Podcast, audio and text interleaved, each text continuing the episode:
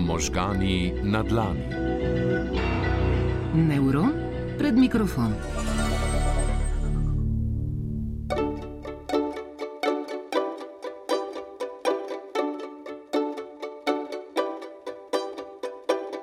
Da je o ljubezni enostavnejše pisati pesmi, kot jo znanstveno raziskovati, nam je psihiatrinja in psihoterapeutka Breda Jelen Sobočan povedala že v prvi epizodi majske serije in delila z nami tudi nekaj najpogostejših mitov. Recimo, ta v romantični ljubezni, kjer se uh, išče stalno stan, stanje zaljubljenosti. To je neko pasivno stanje, ko ti ni treba nič narediti, pa ti je vendarle super. In v bistvu v ambulanti se vidi, da vse več moških podlega temu mitu, tako da je očitno čik flik žanr romantičnih komedij namenjen moškim. Vsekakor je veliko lažje biti princ na konju, kot pa moški sodobni ženski. To postaja resen problem. Ljubezen je tudi norost, pravijo. In kot je razložil profesor dr. Gregor Majdič, zato lahko najdemo tudi neurofiziološke dokaze. Kako pa se je sploh razvila? Domnevamo, da se je sama ljubezen, romantična ljubezen, razvila iz odnosa med materjo in otrokom. To dokazuje tudi raziskave, ki so pokazale, da je tudi pri monogamnih živalih na navezanost vplivajo isti hormoni, ki vplivajo na navezanost matere na otroka. Namreč ob porodu in tik po porodu se zgodijo pomembne hormonalne spremembe v telesu in tudi v možganjih, eh, ker, tako kot smo rekli prej za partnerja, tudi dojenček je nekako tujec v našem življenju. Preverjanje tujcev in njihovega imunskega sistema pa je poljub. To smo se naučili v tretji epizodi s profesorjem dr. Robinom Dunbarjem. End point of all the decisions we make about whether we would like to be a romantic partner with a particular person, first of all. Tokrat pa v zgodbo pripeljemo še metulje. Natančneje, metulčke v trebuhu. Profesor dr. Goraz Drevenšek, najprej dobro jutro, pozdravljeni v možganih na dlani. Dobro jutro. Tukaj okoli naju ptički prepevajo, pomlad je v zraku, ljubezen je v zraku tudi v naših epizodah. Sprva pa vas bom prosila, ko govorimo o ljubezni in zaljubljenosti, kako pravzaprav definirati oboje z vašega vidika dela in raziskovanja. Osnovna razlika med ljubeznijo, ki jo pač opevamo, in zaljubljenostjo je seveda v neurobiološkem ozadju kdaj se katera ljubezenska komponenta aktivira. Ne? Se pravi, pri zaljubljenosti gre praviloma za neke družbene vzorce, kjer izpremljajo senzorične informacije, kako nekdo zgleda, kakšen glas ima, kako se obnaša, a je eh, zanimiv, a je eh, poseben. Ne? In eh, to so vse atraktori, senzorični atraktori, ki sprožajo nek naš odziv privlačnosti, ne? se pravi eh, nekaj, kar je lahko trenutno in prehodno. Medtem, ko, ko govorimo o ljubezni, gre za neko čustvo zavezanosti, se pravi, da smo si z nekom blizu, se pravi, ne gre samo za nek fizični ali pa senzorični privlak, ampak nekaj, kar ne znamo racionalno razlo, razložiti. Ne? No in ponovati ta ljubezen kot neko dolgotrajno čustvo, povezana z kompatibilnostjo dveh oseb. Če boste povrskali po spletu, boste našli kar nekaj epizod možganov na dlani, v katerih smo se pogovarjali o tem, kako je naše črevesje povezano z možgani in obratno. O tem je vedno več znanega in raziskanega in ja, tudi razlaga metulje v trebuhu ni izjemno romantična, če ste to morda pričakovali. Naše telesne osi, ena od teh je povezava med možgani in črvesjem so pomembni za samo zaznavo. To pomeni, če zaužijemo nekaj neprijetnega, bruhamo, ne? če, eh, oziroma strupenega. Ne? In če zaužijemo nekaj, kar uh, je prijetno, uživamo. Ne? In ponovadi uh, je to povezano tudi z prisotnostjo neke mikrobiote, ki jo dobimo v večinoma v prvih štirih letih življenja, se pravi v nekem kulturnem okolju, z neko tradicijo. In ta mikrobiota seveda sama po sebi lahko sproža določene živčne prenašalce, ali noradrenalin, lahko dopamin, eh, GABA, ne, spravi ene, ki bodo nas uspavali, druge, ki nas bodo navdihnili, tretje, ki nas bodo razdražili.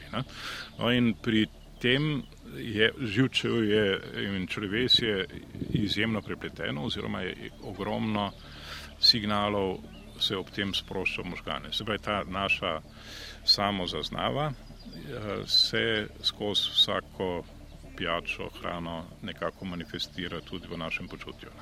No in kar je pomembno, je to, da je v prebavilih žilčni prenašalec, ki je najbolj prisoten, eh, serotonin, ne? se pravi serotoninergični prenos eh, v možganjih počne nekaj drugega kot v črvesju. Ne? Eh, v možganjih skrbi za večjo povezljivost med različnimi centri. Ne? No in ta sprožen signal iz črvesja nam potem seveda obudi različne občutke oziroma jih potencira. Ne? No in seveda, če če smo v prijetni družbi, če uživamo prijetno hrano, zanimive pijače, eh, potenciramo svoje čustva oziroma že prisotno, recimo, če bi rekli tudi ljubezensko zaznavo, ne, jo pač s tem okrepimo. Ne. Pomeni, da dobra večerja, dobra družba, dobra zabava eh, potencira vse, kar čutimo do neke osebe. Ne. Kaj se pa takrat dogaja z našimi omrežji v možganjih? Se pravi, če nekaj potenciramo, ne, potem ponovadi uh, tisti občutek prevlada. Ne, če teh senzoričnih držav je ogromno, uh, bodo naše tudi imagina, imaginacije mogoče prevladale nad racionalnim. Ne. To pomeni, da če je ljubezen slepa, pomeni, da ta omrežja, serotonergična, intenzivna, izklopijo neko, nek center za kontrolo. Ne? Se pravi, ne bomo sl hoteli slišati slabe resnice oziroma nekega dejstva, če je vse ostalo zelo v redu. Ne? No in uh, ta uh, kontrolna funkcija se pri tem seveda zmanjša, izgubi ne? in ta ljubezen je slepa, pač ima neko neurobiološko ozadje.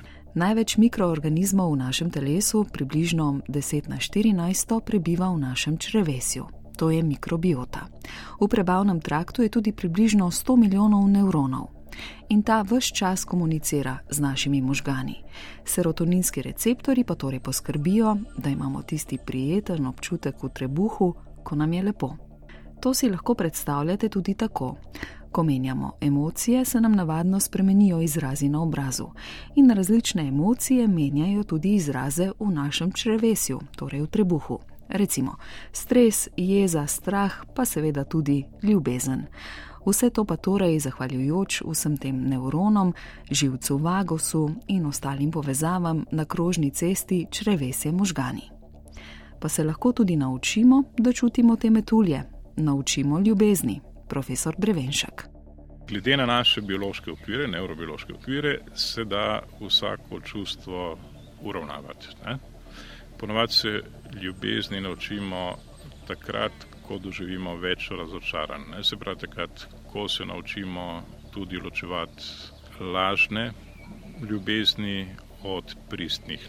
No čeprav so lažne, doskrat dost bolj obetavne, navdušujoče, ne, potem spoznamo, da je cena včasih prevelika. Ne. No in takrat, se pravi, z izkušnjami ne, se potem naučimo korigirati eh, oziroma sprejemati tisto, kar bo za našo integriteto nagodneje. Ne? Samo še eno vprašanje, ker ste omenili psihofarmakologijo. Včasih rečemo, da ljubezen vse pozdravi. Kako bi vi to rekli iz svojega strokovnega vidika? V bistvu vsa motivacijska uh, početja nas uh, dvignejo, se pravi motivacija.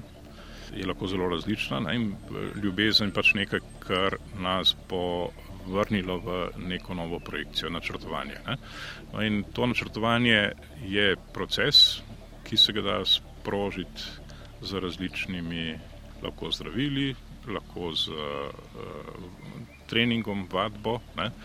Ali z iz, praviloma iskanjem nekih novih prostorskih situacij. Se pravi, da se ločimo od nečesa, kar nam zboja slabe spomine in ustvarjamo nekaj novega. Ne? Ključni element pri tem so pa Se pravi, ne samo želja, ampak triggeri, ne?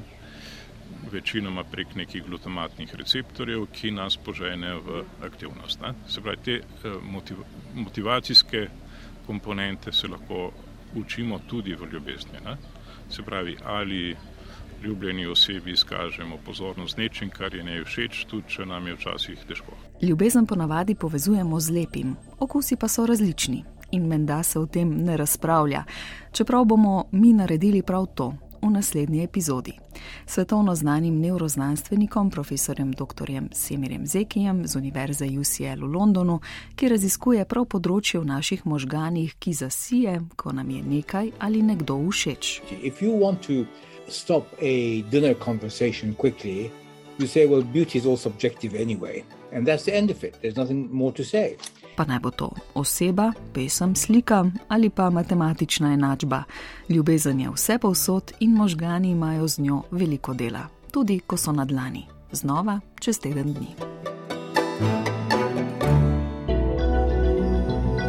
Možgani na dlani. Neuron pred mikrofon. Najlepša hvala profesorju dr. Gorazdu Drevenšku, ki je torej pojasnil, da se v našem črevesju proizvaja največ serotonina in da, tam, da je tam celo množstvo mikroorganizmov, ki se mu reče mikrobiota in potem ni čudnega, da se vsem tem pojavijo tudi metuljčkim, ko se torej vse predrami, če kaj dobrega pojemo ali pa ko smo zaljubljeni. No in ko smo že pri hrani, o njej po 8 uri v svetovalnem servisu, ko bomo pekli na žaru, jaz vas samo še povabim, da lahko vse epizode možganov na dlani znova ali vnovič po. Poslušate v našem spletnem arhivu in med podcasti,